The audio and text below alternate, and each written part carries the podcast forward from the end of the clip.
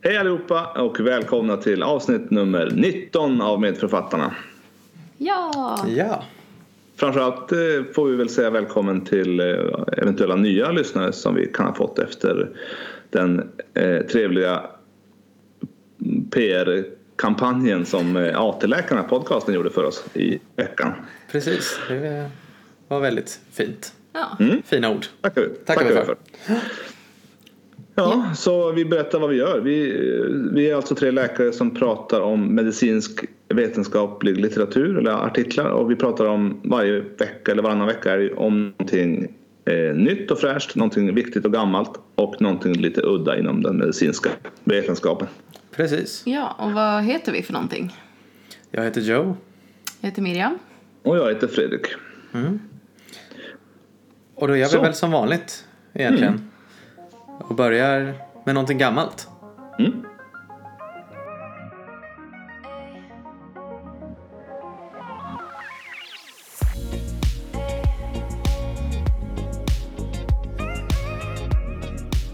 Jag tänkte att vi idag ska prata, inte så mycket om en artikel utan mer om ett koncept som vi har gjort någon gång förut.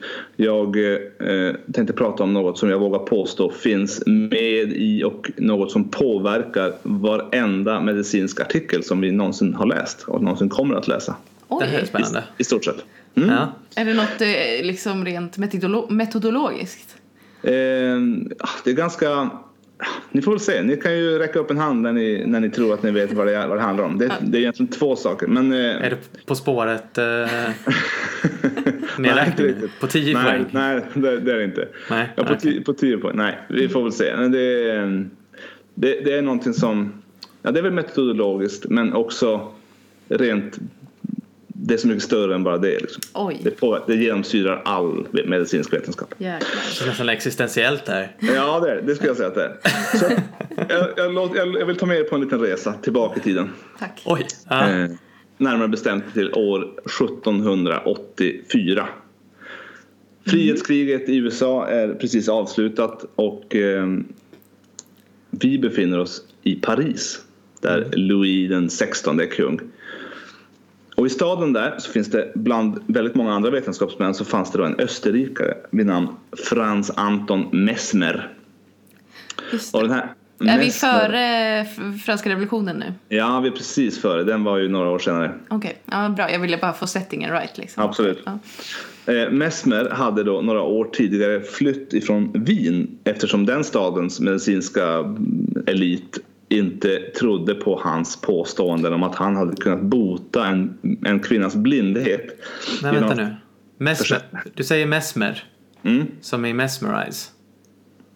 Ja, ja. Ja. precis samma stavelse. M-E-S-M-E-R. Ja. Ja. Ja, Vad betyder mesmerize då? Jag menar, för, förtrolla, trollbinda. Ah. Kanske. Ja. Ja, för, för han, han hade ju nämligen då påstått att han, han botade den här kvinnans blindhet genom att försätta henne i trans. Ja. Okej. Så det kanske kommer därifrån. Mesmer. Ja, möjligt. Mm, mycket möjligt. Eh, De tyckte i alla fall inte om hans, eh, hans metoder där i Wien och schasade iväg honom så han drog till Paris. Och några, det här var ju några år senare då. Då hade han lyckats knåpa ihop en teori mm, också som, om vad som faktiskt orsakade de här sjukdomarna som han då kunde eh, bota med sin trans. Och han hade kommit fram till att det var någon sorts osynlig kraft som hette djurmagnetism som Ja. kunde orsaka sjukdom då när den blev störd. Alltså djur som i Ja, ett... animal Ja. magnetism. Det är, Animal magnetism var, var hans, eh, det var det han hade kommit på. Att om man stör den, eller om den blir störd, då orsakar det sjukdom hos, hos människor och säkert hos djur också. Men han, han höll på med människor. Ja.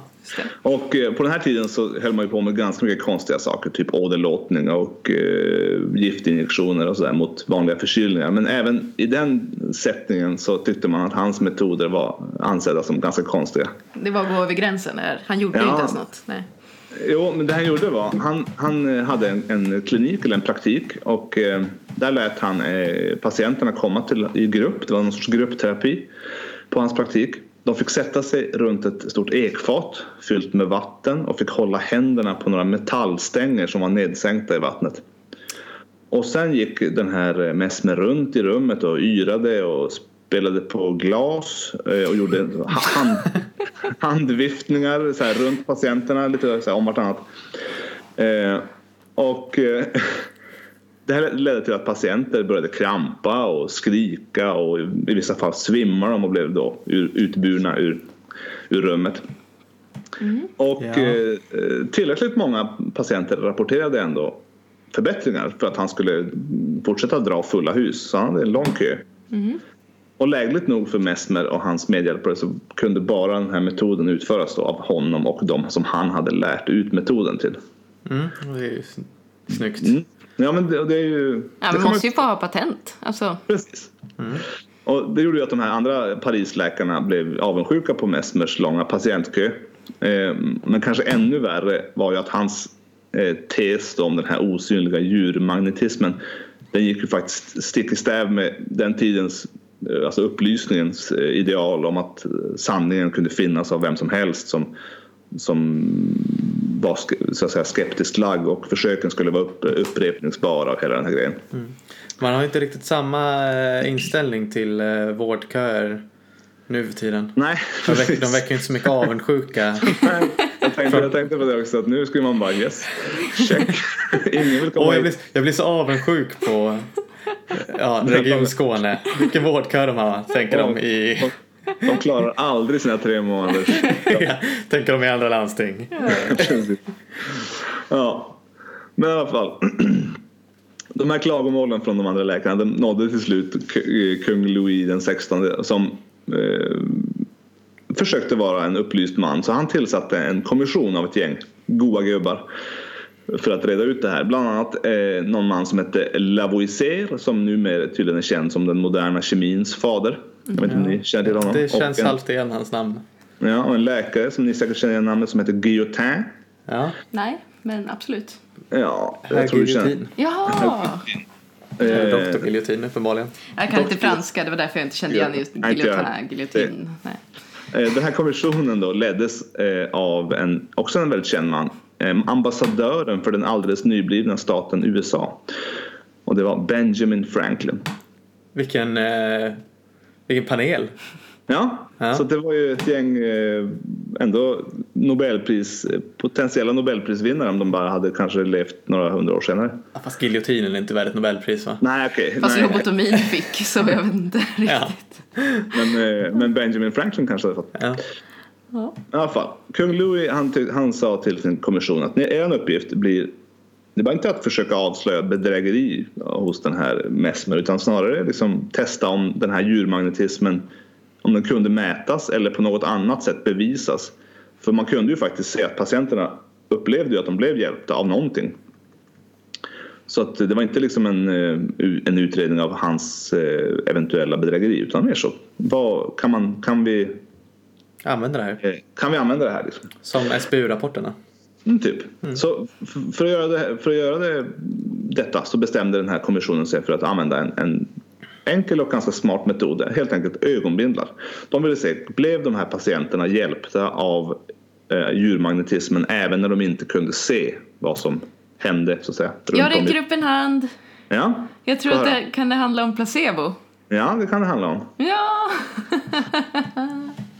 Så under några månader här 1900, 1784 så genomförde den här kommissionen en, en serie tester och eh, de utfördes inte av Mesmer själv utan av en av hans lärjungar som hette eh, Charles Deslon. Och nu har väl uppmärksamma lyssnare kanske märkt att jag var sjuk den dagen vi lärde oss uttala franska namn i skolan. Men eh, han hette något sånt, Deslon säger vi.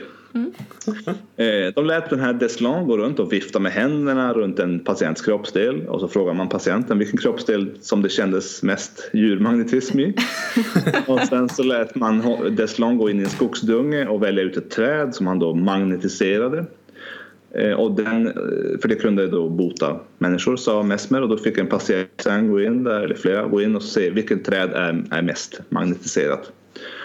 Och man sa till patienterna att Deslon här var i rummet när han inte var i rummet och tvärtom att han inte var i rummet när han var där och att han gjorde någonting som han inte gjorde och tvärtom. Ni fattar. Mm. Man, man mm. testade, det var ju flera månader man höll på med det här. Och eh, i försök efter försök så såg man att patienterna svarade på eh, behandlingar som de trodde att doktorn gjorde och inte på sånt som de trodde att han inte gjorde.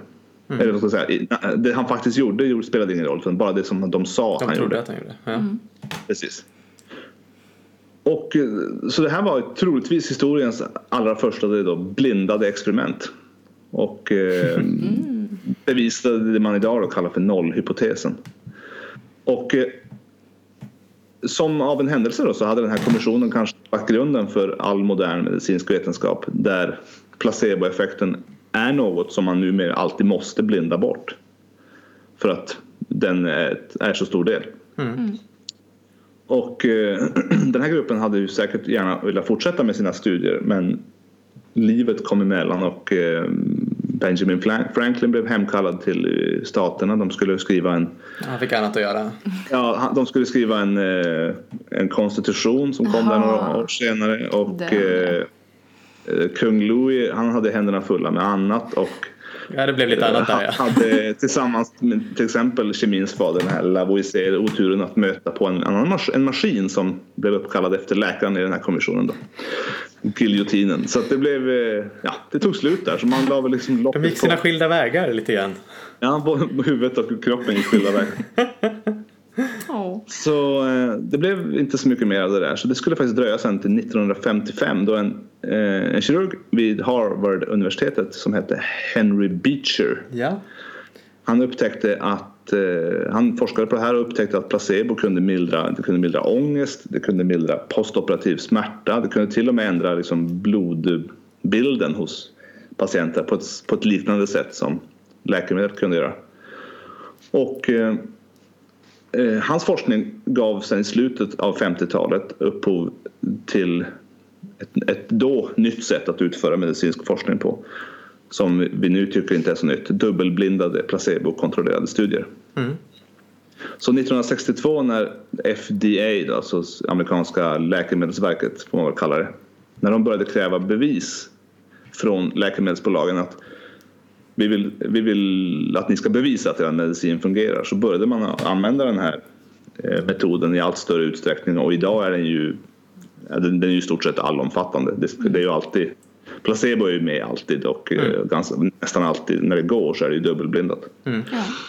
Jag har en känsla av att det kanske kommer mer om det här i ett nästkommande avsnitt av ja, jag ska också prata placebo men med lite annat fokus Ja. eh, i nästa avsnitt. Så det kommer att bli en, Oh, en rejäl fördjupning. Ja. Placebopodden. Ja. Ja, Men de var först på 1700-talet alltså? ja som, så vitt vi vet. Ja. För att det man har kunnat visa sen, sen dess då är ju att låter man bara en trovärdig person, en läkare eller annan trovärdig person ge en patient ett, ett sockerpiller eh, så blir de bättre. Speciellt om de lider av vissa sjukdomar, typ kroniska stressrelaterade sjukdomar. De visar bra effekt på placebo. Eller, eller hypoglykemi. Ja, det är möjligt. Svarar man väldigt bra på sockerpiller. Ha, Ja, ha, ha, precis. ha. Och man kunnat se att om man stöver patienter och gör några snitt i huden och sen när du väcker dem så berättar du att ah, min artroskopiska reparation gick lysande. Då kommer de ju uppleva att deras knä blev bättre än in- innan. Och ger man medicinen ett fancy namn så kommer den funka bättre än om, du, om den får heta något tråkigt. Mm.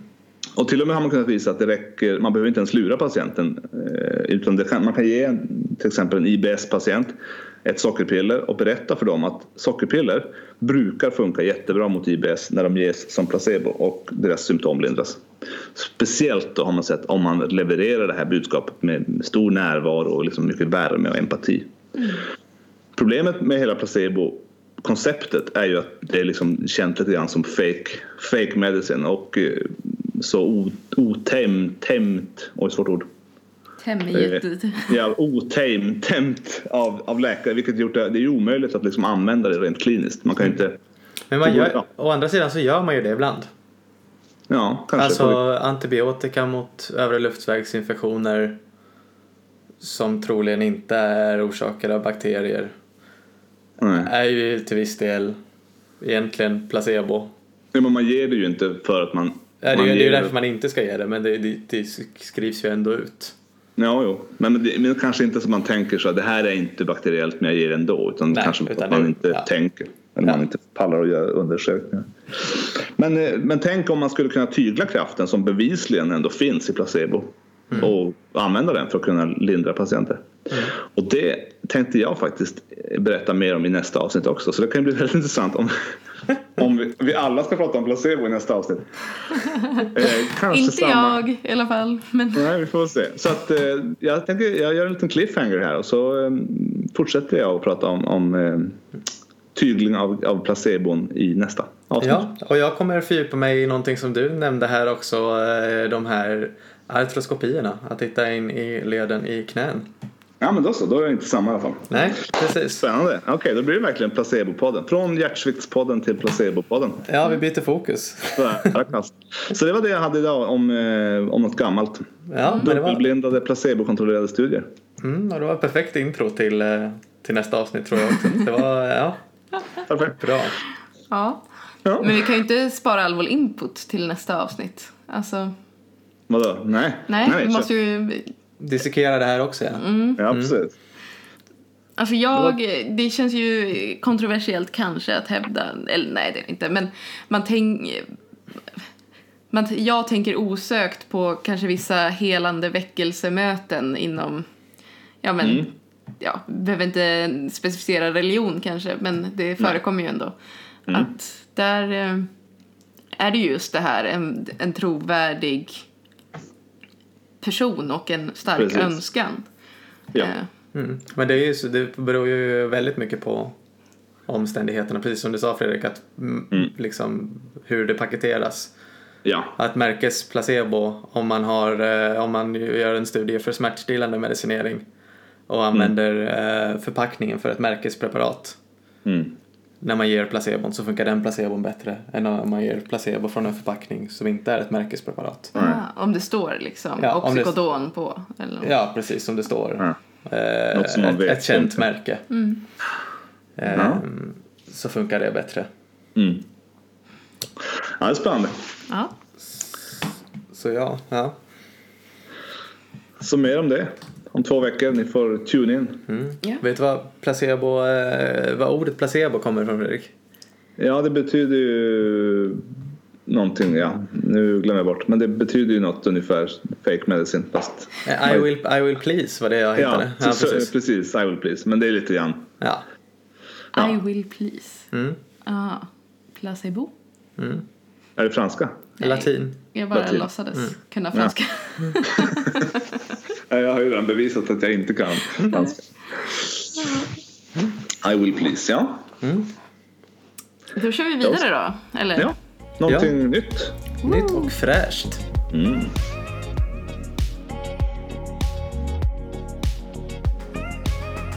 Ja, det är då dags för något nytt. Och jag är ju då alltså mitt i en tentaplugsperiod och gick med på att podda nu med liksom villkoret att jag fick köra något tentarelevant. Så eh, KIT10, this is for you. Nej men, Ja, garanterat rätt på tentan kan man få. ja eller alltså, hmm. Och vet, jag tänker så här, eh, om man har lyssnat på Lilla Drevet så tänkte jag nog köra lite en eh, Jonathan Unge här. Att man kanske, man har kollat upp något och börjar med en viss tanke och sen bara drar man iväg för att man orkar inte riktigt läsa på egentligen. Så.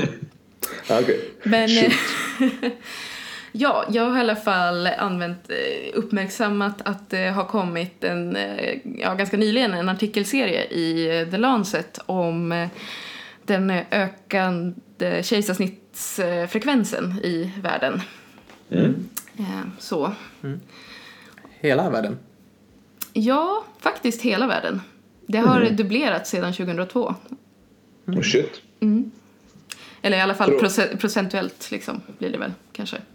Från 12 Ja. till eh, 22 procent nu. Ah, okej. Ja. Var det 12 bara i världen? 2000? Jaha. För i Och- Sverige ligger det väl på runt 20? Ja, 18 procent är Ja. den senaste siffran jag har sett i våra föreläsningsslides. Hint, hint. Eh, Ja, men hur, vet du hur det låg i Sverige för ja, 20 år sedan då? Eh, nej, men det ökar här också. Okej. Så, eh, så är det. Men, Ja. eh, och det här är ju, det är fortfarande så då kanske att det är eh, för låg frekvens i liksom låginkomstländer. Sådär. Mm. Eh, man har väl genom att studera, studera litteraturen att ungefär 15 procent är liksom den spontana frekvensen. Alltså där, om man ligger där kring så är det liksom det som krävs för att rädda liv. Liksom. Det är det som så. behövs. Ungefär Ja. 15 procent behöver ett kejsarsnitt. Alltså, Precis. då pratar vi inte elektiva, eller också? Ja, nej, överlag. Eh, både elektiva och... Ja, just det. För vissa, Så vissa fem- behöver... 15 procent av graviditeter Okej. har någon slags komplikation som kräver ett kejsarsnitt. Alltså. Ja, och kejsarsnitt kan man ju behöva del, alltså på grund av att barnet börjar må dåligt eh, inne i magen. Det kan vara en maternell sjukdom som gör att barnet måste ut nu också för att rädda mammans liv.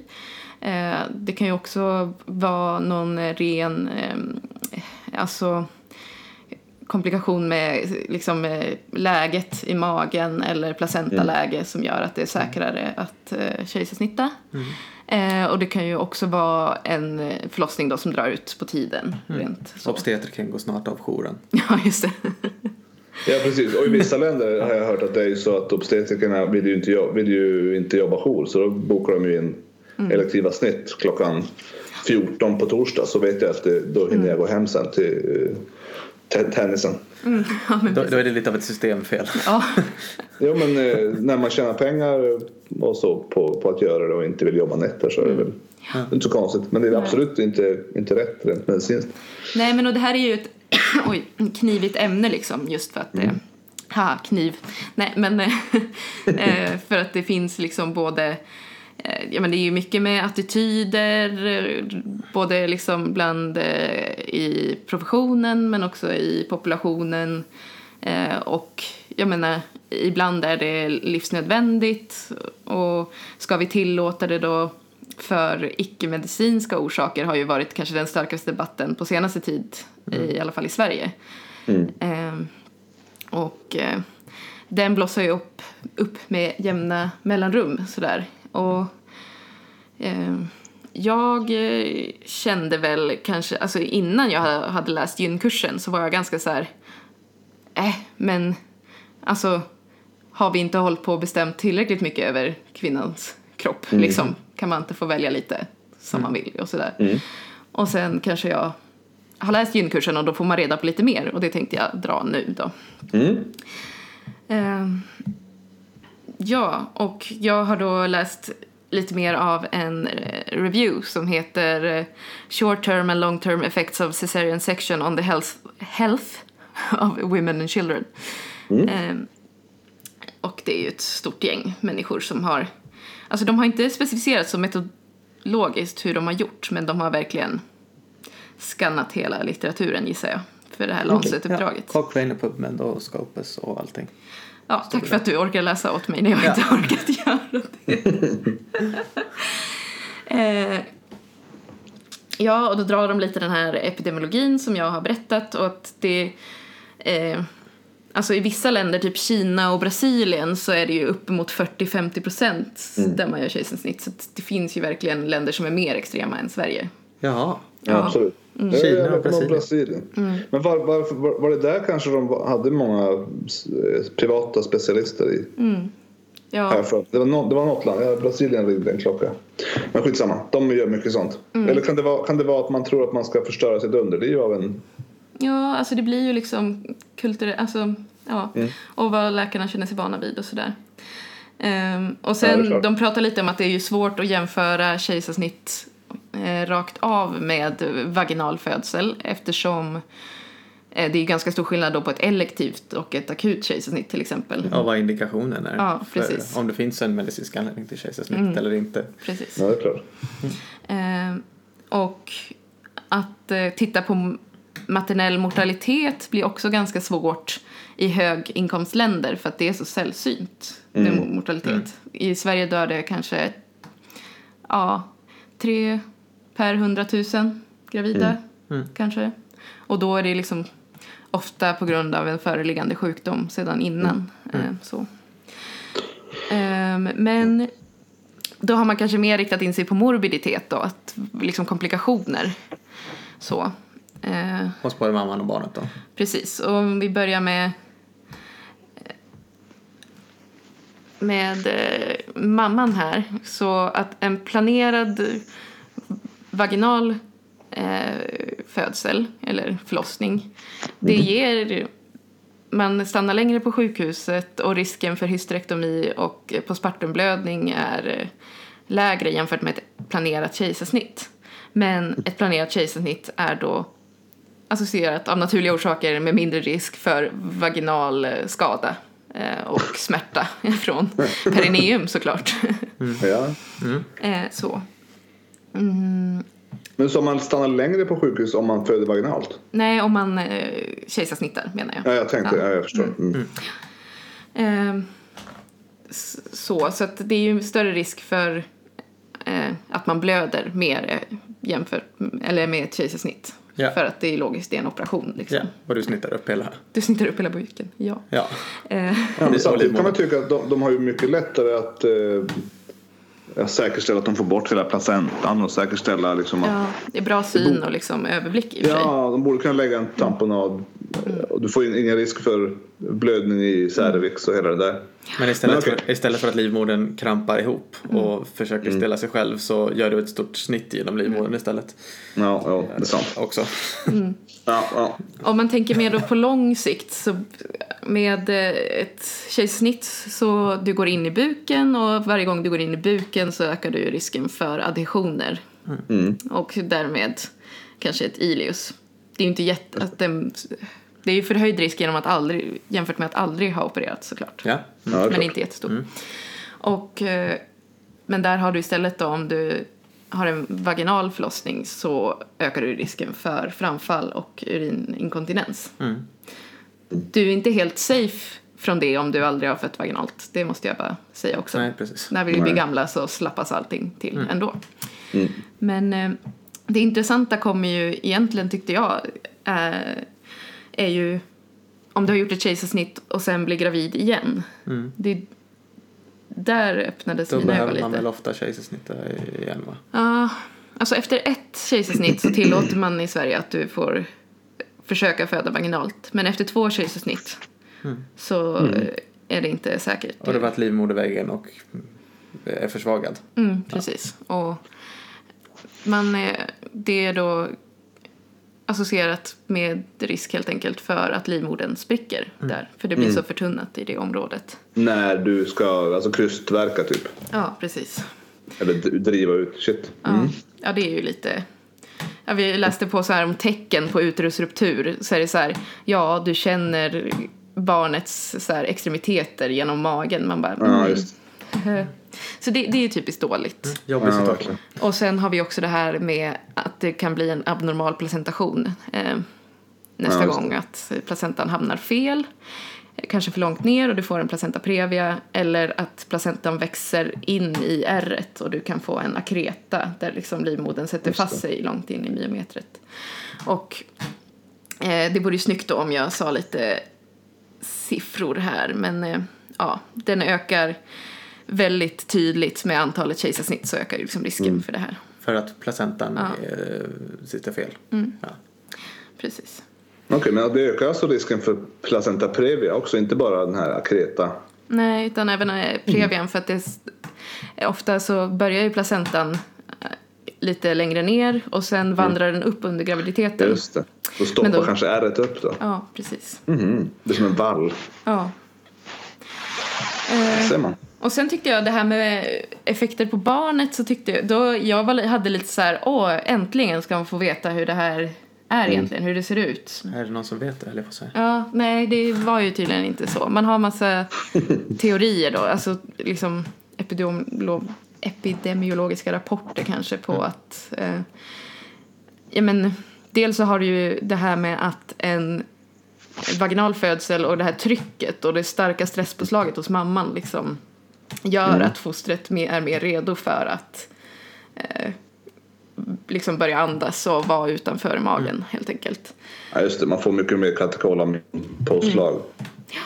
Men eh, helt enkelt så blir det ju skillnad i ett kejsarsnitt eh, fött barn och ett annat barn med vilka hormoner de utsätts för, vilka bakterier de får eller, i sig liksom, eftersom de inte passerar vaginalkanalen. Vaginalkanalen och sådär. Eh, Och det har man tänkt då att det ska öka risken för eh, allergier, atopi, eh, att man får en, det har man ju kunnat visa att de har en mindre diversitet i tarmfloran. Eh, så, och att det då möjligen skulle öka risken för obesitas eh, och eh, astma senare i livet. Men det här är liksom Ja, further man inte- studies are needed. Så det jag tycker fortfarande är lite tråkigt. Har man inte lite samma problem där? Att, de, eh, att kejsarsnitt ändå eh, ofta görs på medicinsk indikation? Ja, precis. Och då, Att då har man ju någonting som är sjukt hos mamman eller barnet. Eh, ja, men precis. Och då, då kan man ha olika förutsättningar från början. Liksom. ja, precis.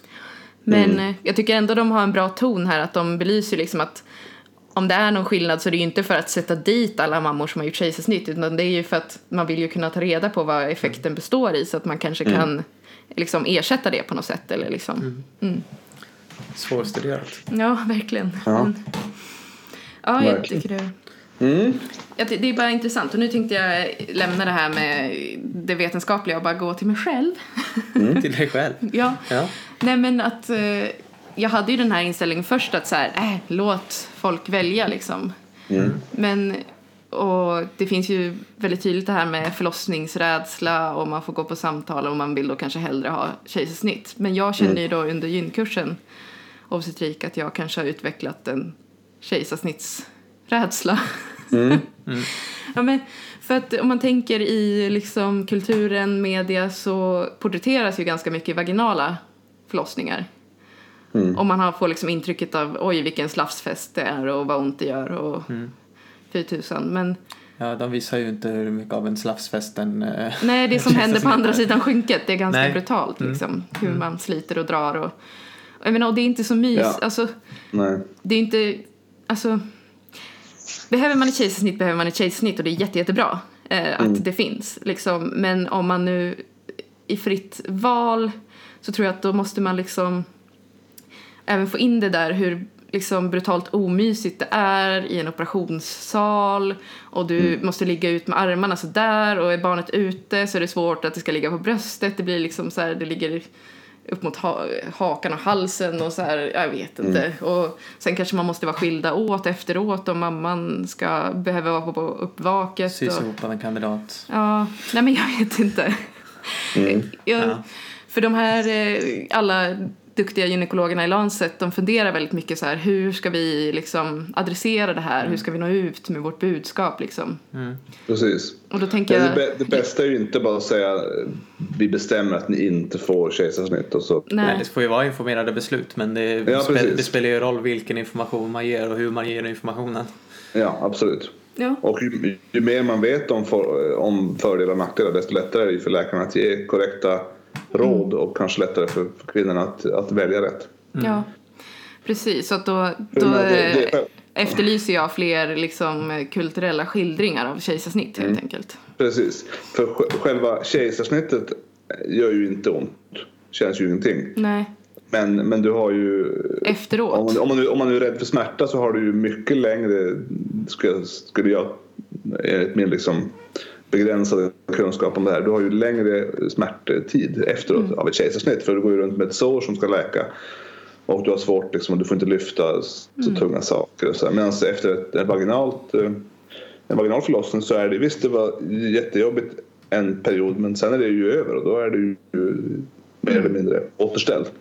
Och sen förstår jag, alltså såklart om man har haft en väldigt traumatisk förlossningsupplevelse, jag vill liksom inte förminska Nej, nej. den Nej. rädslan liksom, men jag tänker bara för den, jag var ju ändå en ganska eh, naiv person innan, Ja. inte naiv men alltså som ni menar icke-exponerad för det här och hade en uppfattning och sen när jag såg några födslar och några kejsarsnitt så blev det liksom, aha.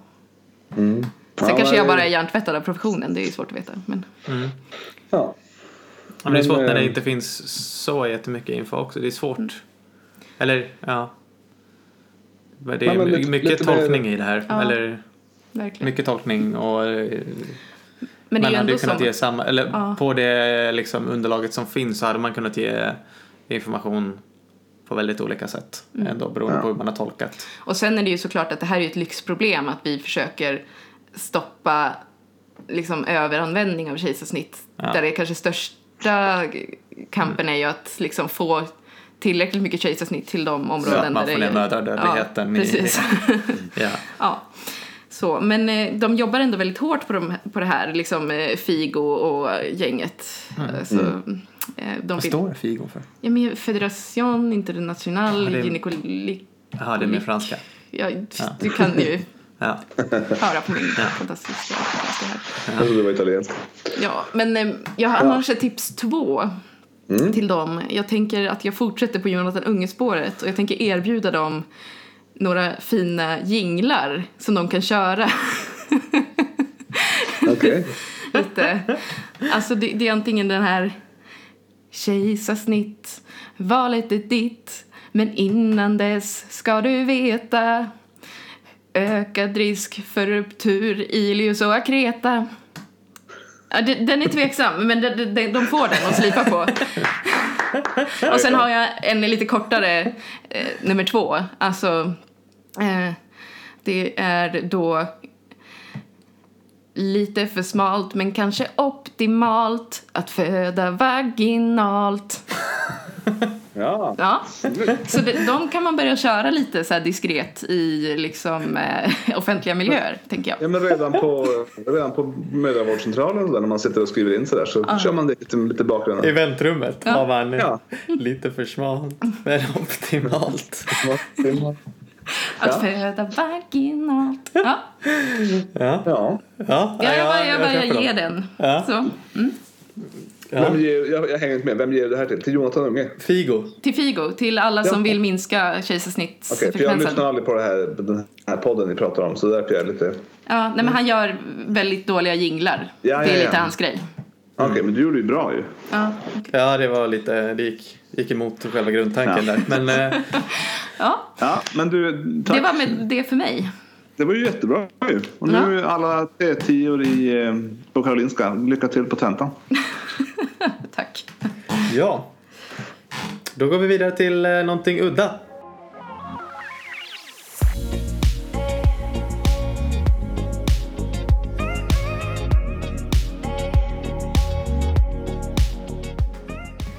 Ja, då går vi vidare till någonting udda.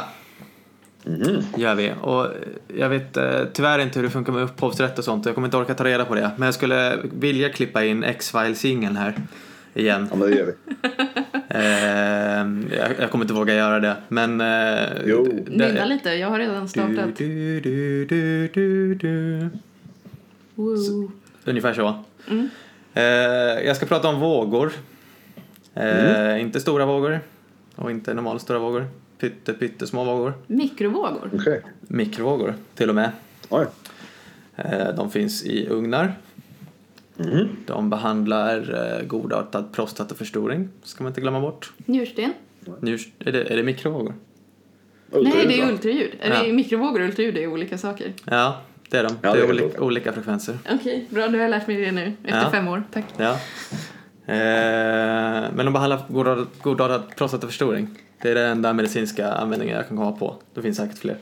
Men eh, sån eh, näsmusselförminskning, radioterapi i näsmusslorna. Ja, men det är väl är inte det radio? Är inte det mikrovågor? Jag vet, Man, vär, man värmer ju upp näsmusslorna. Skitsamma. ja, men jag vet inte det är vilken frekvens det är på dem. Det kanske är radio. Nej. Ja. Eh, kanske Vågor. 106,3. Medförfattarna City. I, eh, kan, kanske. Ja, Eh, 105,6. ja, och de finns i eh, radarapparater, mikrovågor också. I fjärrkontroller, vissa. I vissa trådlösa nätverk använder man mikrovågor. Och mikrovågor är för strålfysikerna som lyssnar mellan 300 millihertz och 300 gigahertz i frekvens och mellan en millimeter och en meter i våglängd. Så de är inte jättesmå. Tycker Just inte det. jag. En, en Nej, men det, det fick vi vi testa på fysiken på gymnasiet. Vi la in liksom s- längd, liksom små ståltrådslängder och så fick man se så här hur långt det var mellan noderna. Eh, varsågod, jag vill bara catcha upp det här att jag inte la- kunde la in- ultraljud mikrovågsskillnaden. Jag försöker bara förstå det här. Ja. Men eh, ja. ja. Okej. Eh, ja, men eh, de är mindre än radiovågor, större än infraröda vågor och större än ultravioletta och röntgenstrålar. Men det är ändå ljus vi pratar om här. Ja, Elektromagnetism. Ja, Det låter bra. inte, inte djurmagnetism. Eh, utan- nej. nej, precis. Eh, och med den bakgrunden så eh, förflyttar vi oss till kalla kriget. Ja! Det var ett soligt svar på kalla, kalla kriget. Ja. Ehm, det har funnits en rädsla om att man ska kunna använda mikrovågor som vapen sen dess ungefär. Kalla kriget kanske. Mm. Eh, 1962 så upptäcktes någonting som heter the Frey effect. Alltså Okej. F-R-E-Y efter Alan H. Frey. Eh, som är en biolog i grunden. Som Mm. på 60-talet eh, gjorde experiment med mikrovågor. Eh, och han började med dem när han hade en kollega när han jobbade på General Electrics som eh, arbetade med att eh, mäta signalstyrkor på en radarapparat som använde mikrovågor. Mm. Och då var den här kollegan helt övertygad om att han, han kunde höra signalerna från den här radarn när han skulle gå och möta dem. Han beskrev det som zip, zip, zip. Ungefär. Att han hörde det. Frey åkte dit till hans eh, station och ställde sig i radarstrålen och kunde också höra det. Han tog dit döva människor som också kunde höra det. Jaha. Eh, och den här Frey-effekten har studerats vidare och tros bero på att hörselkortex i hjärnan eh, ger det här ljudfenomenet när det stimuleras av mikrovågor. Så man hör det även fast man inte förväntar sig att man ska höra det? Alltså, de här Man- döva människorna var inte så här, kom hit så får du höra ett ljud, utan... Det vet jag inte Nej, okej. hur man hade Men de, lagt upp det för de var alltså inte kortikalt döva, kan man, kan man Nej, säga de så? var väl eh, döva i precis Ja. hörsel... Gången någonstans. Ja, Apparaten. hörselapparaten. De hade en vaxpropp. Nej, förlåt. Så smälter de vaxproppen med, med, med mikrovågor och så hörde de ja, möjligt. Ja. Men det kunde man också höra när man var flera hundra feet ifrån transmittern. Jag har inte omvandlat feet till meter. Nej, det är en eh, 30 meter. Ja, 100 feet. Får jag bara får jag flika in med en eh, rolig historia där? ja absolut. Eh, vet ni varför, eh, jag får ta det på engelska. Do you know why a nose can't be 12 inches long? Nej, Because that would be a foot. Ja, det är... Det är ja. Det är roligt. Tre, tre, tre av fem. Okej. Eh, ja, och Frey, eh, efter att han hade upptäckt det här så verkar det som att han drog iväg till Sovjet ett tag. Började experimenteras hit och dit i USA också om eh, militära användningsområden. Varför åkte han till Sovjet? Ja, han eh, drog iväg dit ett tag. Ja, det var ju mitt i kalla kriget där. Ja, han... Han bytte lite sida, de var Han ganska fick chill med det tydligen jag, göra det. på den tiden. Alltså han blev... eh, Nej okej, han åkte dit. Ja. Nu, nu är han i USA igen, så jag vet inte. Eh, Okej. Det var en kort biografi av honom i en artikel jag läste. Ja. Eh, och man har börjat experimentera redan då med eh, militära användningsområden för det här. Eh, det finns en ganska ny video eh, som jag ska försöka länka till på Facebook, kanske till och med på Instagram, som gör en väldigt konstig reklam för någonting som kallas för Active Denial System som eh, amerikanska försvarsdepartementet eh, har lagt upp på Youtube. Om det här är en stor platta som man har på ett fördon, liksom som en, som en satellit ungefär. Mm. Eh, Som man kan rikta mot folkmassor och då springer folkmassan därifrån direkt. Framgår det av videon. Oj. För att det gör ont eller? Ja, de får en, eh, hör ett ljud och får en värmekänsla. En obehaglig värmekänsla som gör att de instinktivt springer därifrån, tror jag de sa. Skingras. I, eh, i, i filmen. Ja. Och att det skulle kunna användas mot, mot folkmassor eller mot eh, enstaka personer i en folkmassa om man vill undvika collateral damage.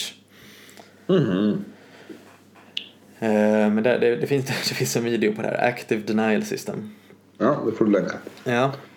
Eh, Det finns också ett patent som har tagits ut via på något sätt eh, US Air Force från 2003 på en apparat som ska kunna skicka riktat tal till hör- någons hörselcortex. Coolt. Patentet finns men sen vet jag inte om eh, själva apparaten faktiskt finns. Nu kommer vi få mycket foliehattar här som börjar lyssna på våran våran podd tror jag. Jaha, men vi, vi spolar fram nu eh, Ja. till eh, en, en nyare Kubakris. Eh, och det är då veckor efter att Trump vann valet eh, i november 2016 fram till augusti 2017. På Hade vi en amerikanska... Kubakris? Ja, det var lite av en, en eh, väldigt mycket mindre Kubakris. Eh, Men på amerikanska ambassaden i Havanna så under den perioden då, november 16 till augusti 17, så insjuknade 24 individer med konstiga det. symptom.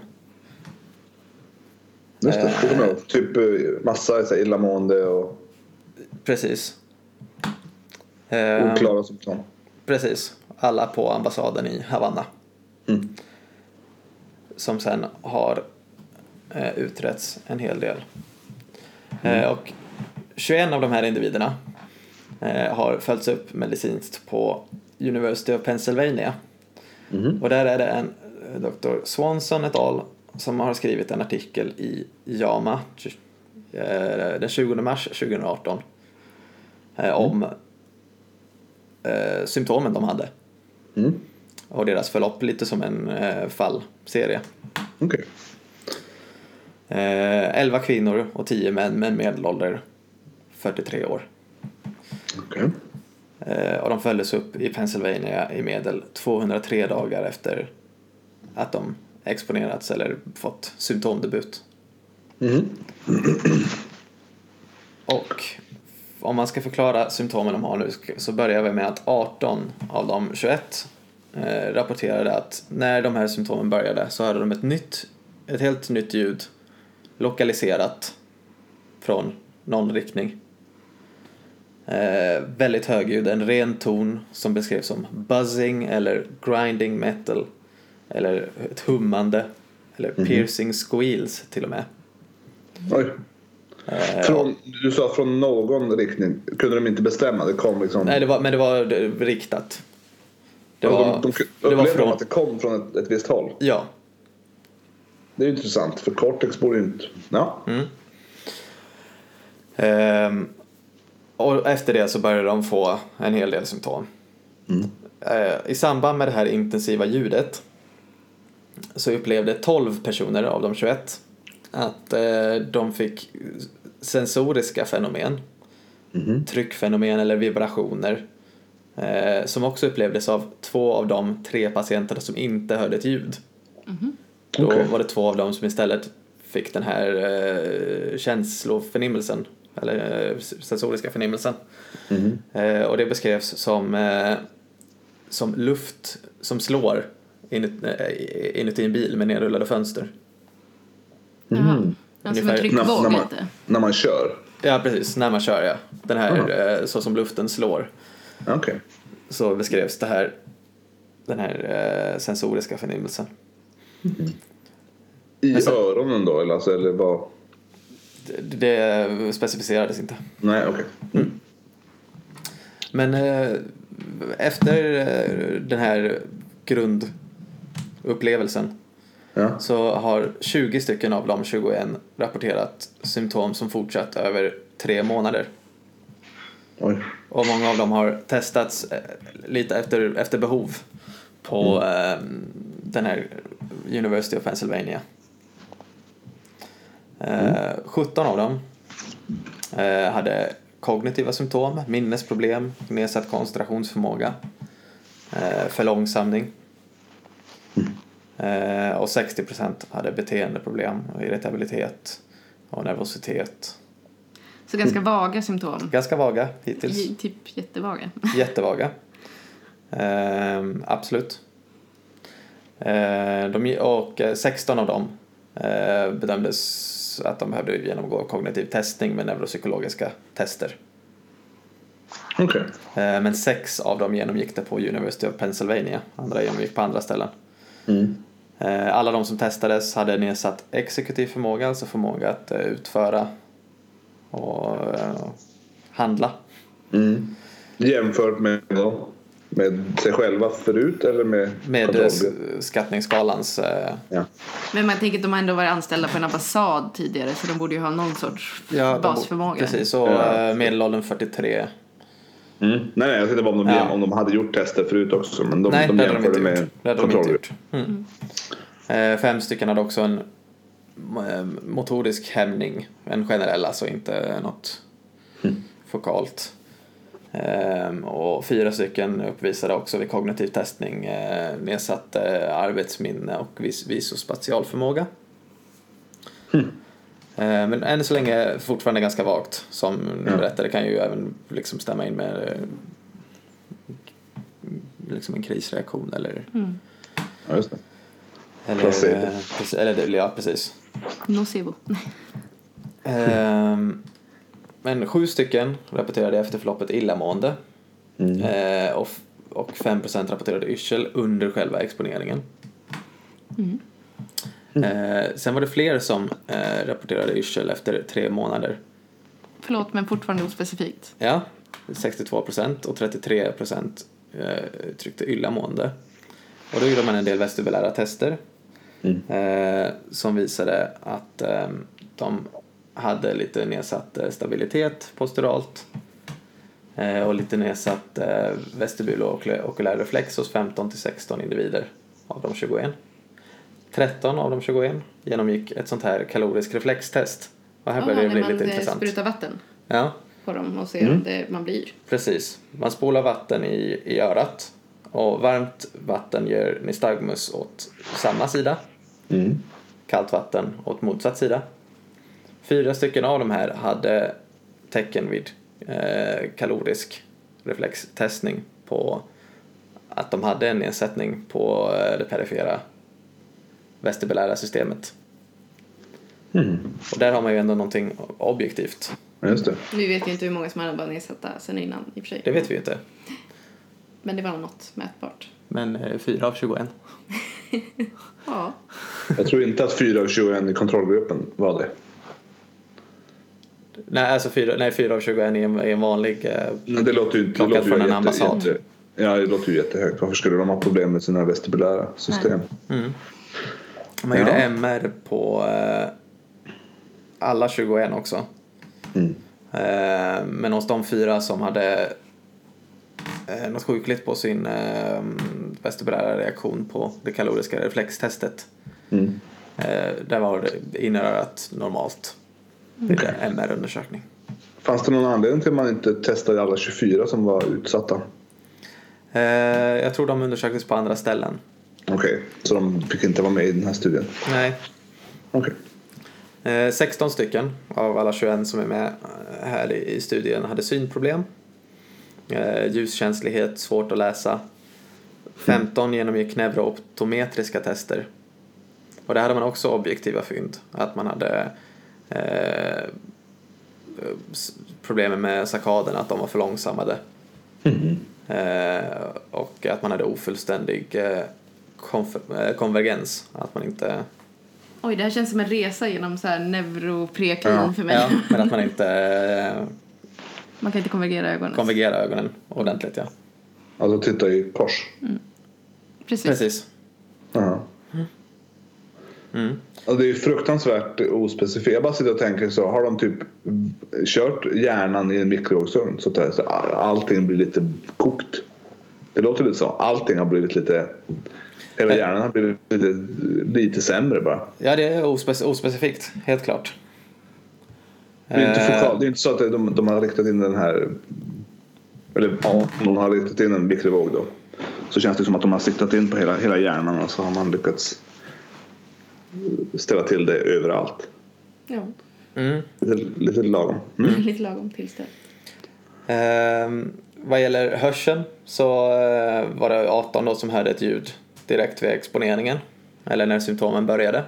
Mm. Sju stycken hade samtidigt smärta från ett öra. Eh, sex stycken, eller 12 stycken hade tinnitus efteråt. Fem stycken hade en kvarvarande öronsmärta efteråt. Och, ehm, Tre i den här gruppen hade, när man testade dem, eh, deras hörsel, en måttlig till svår sensorineural hörselnedsättning. En, typ en bullerskada, det har ju jättemånga. Ja, de- de fick hörapparater. Men två av dessa hade en ensidig, två av de här tre hade en ensidig hörselnedsättning. Och de var också de två individerna som hade en utslagen vestibulär funktion. Alltså balansfunktionen på samma sida var utslagen. Jo, men att många har bullerskador är ju en sak, men att man, att man får... Eh, att de fick eh, hörapparater bara så helt plötsligt. Det känns ju jätte... Ja, när man, samtidigt, som- när man har liksom en dubbel, eh, både hörselnedsättning på en sida Ja. och Om de inte har varit med om en explosion på ambassaden, men det har det inte varit. nej, inte vad som har rapporterats. Nej. Det kanske är bara en cover-up alltihopa. 17 eh, upplevde huvudvärk efteråt, 18 upplevde sömnsvårigheter. 14 av dem har inte återgått i arbete. Oj. Men och allt det här skedde under typ nästan ett års tid. Ett halvår blir det va? Det var Ja. inte september till augusti. Nej, november till augusti. Ja, okej, men Ja, nio så är ju nio månader. ja.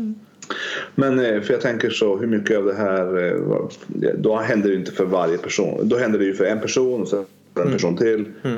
Eh, ha- hur, om jag skulle jobba på ett ställe där folk börjar sju, insjukna. Ja, man kan lätt bli paranoid. att Ja. Man, man skulle nog kunna bli lite paranoid så att man är, eh, minsta lilla ljud eller balansrubbning kanske man skulle tolka som att oh, det här måste vara, jag måste också veta. Och det här har diskuterats en hel del. Det publicerades en, ganska, en rapport tidigare än det här. Eh, som har kritiserats en hel del för att inte diskutera möjligheten att det kan vara en masspsykos. Ja. Som såklart är mm, möjligt. Ja. Att det är det det handlar om. Men det, det fanns kvar symptom även fast de hade åkt hem till USA. Ja. Och eh, precis. Det finns ju ändå objektiva fynd hos flera. Ja. Eh, Jag ska lägga till här också att när man gjorde MR på alla de här så fanns det eh, hos nio eh, små foki som lyste upp. Små ställen som lyste upp i vitsubstansen. Eh, och på tre stycken var det mer än förväntat för åldern. Men det var ju inget liksom Det, Ja, förlåt, det- men ja. det tänker inte jag dra några det var veckor inget, på inget Bergström eh, här. men bara rapportera vad den här MR-undersökningen faktiskt kom fram till. Ja. Men ja, masspsykos är ju en Mm.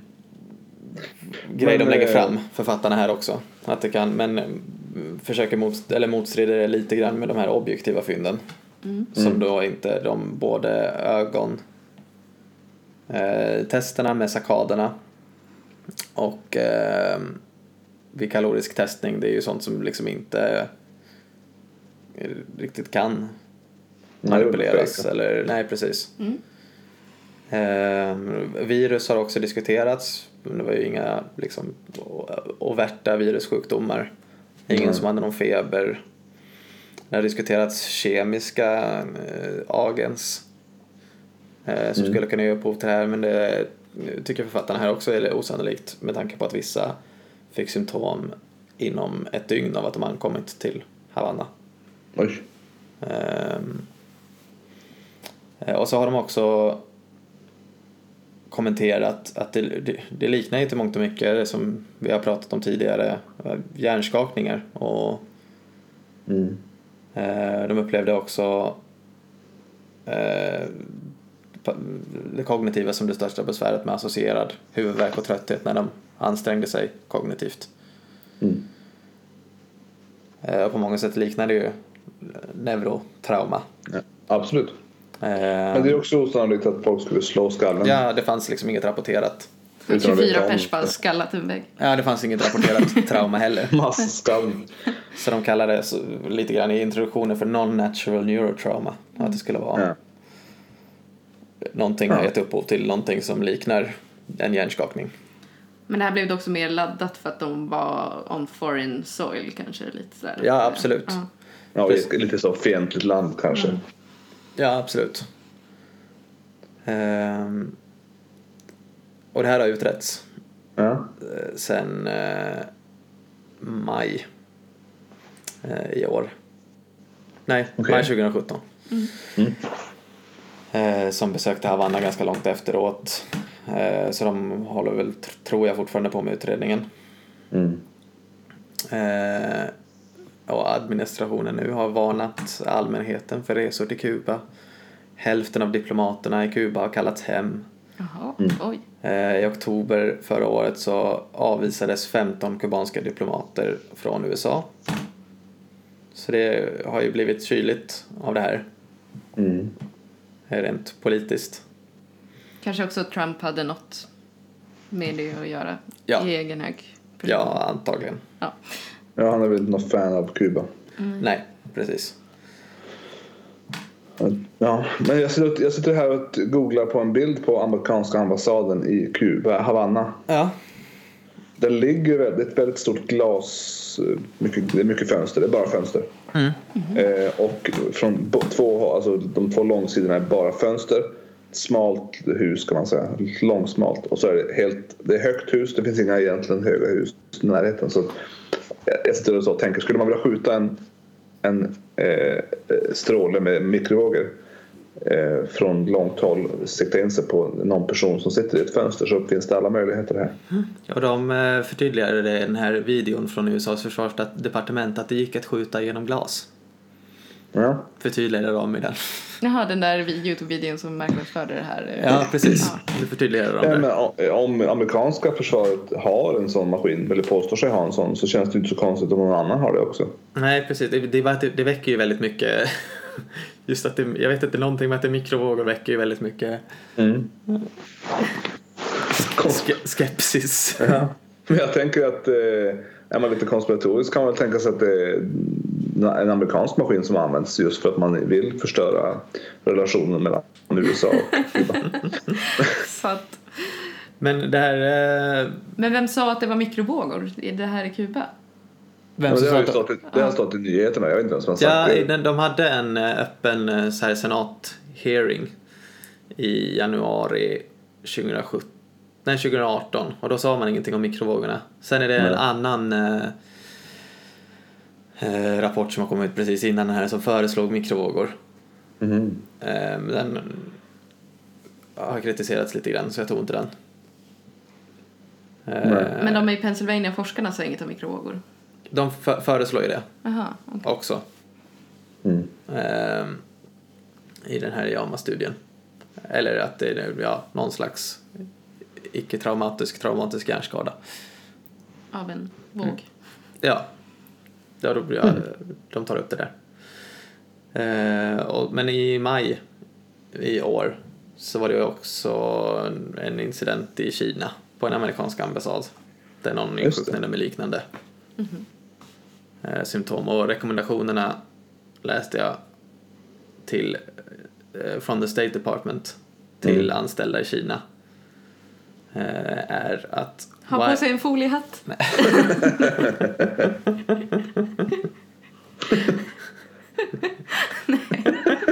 Det kanske skulle hjälpa. Ja, kanske. Eller så bara förstärker Svårt att veta. eh, Ett sånt met- metalldurkslag. Så det, alla, alla diplomater placerade utomlands. Är nu med i pastafari-religion. Alla har durkslag på huvudet. Ja. De rekommenderar till sina medarbetare att uh, while in China if you experience any unusual acute auditory or sensory phenomena accompanied by unusual sounds or piercing noises do not attempt to locate their source. Instead move to a location where the sounds are not present. Ja. ah, Så de, tar- de tar ändå höjd för det. oj, ja men det här är- det kan ju föda mycket teorier. Alltså det är ju någonting du inte kan se överhuvudtaget. Mm. Nej Alltså precis. Djur- Helt osynligt. djurmagnetism. Ja, Helt osynligt. magnetism i hjärnan. Ja, Ja, okej. Ja. Återigen, ett, Kina ett land som Trump inte är något jättefan av. Nej, nej, nej, de planterar kanske. det var nog det om vågorna tror jag. Ja, spännande. Alltså, Kul med lite kon- konspiration. Konspiratoriska. Inte vågorna med Uno Svenningsson. Nej, inte än. Nej. Men, eh, och det var nog också det för eh, det här avsnittet va? Ja, Ja. långt avsnitt idag tror jag. Ja, inte så farligt tror jag. Vi var långrandiga Vi får se, sist också. Man får ju lyssna så länge man vill känner jag. Ja, ja det är är inget tvång att lyssna på oss. Än- än- Ännu. Lite tvång. Kan jag Ja, tycka. För vissa. det är det. Ja. Men eh, nu har vi ju så mycket cliffhangers till nästa vecka. Eller inte, om två veckor så nu måste ju folk lyssna. ja, faktiskt. Ja, ni får ju eh, hemskt gärna följa oss och skriva saker till oss på Instagram och på Twitter och på Facebook med författarna på alla plattformar. Ja, Trevligt. Vad, Och vad, lyssna. gör ni, vad händer i veckan då? Vad ska ni göra? Från nu? Jag börjar min AT-tjänst i, på måndag den 3 december. What? och jag står- eh, ja. fortsätter min AT-tjänst på måndag. Rafflande. Var, var börjar du någonstans för det? Var ska du vara Mm. först?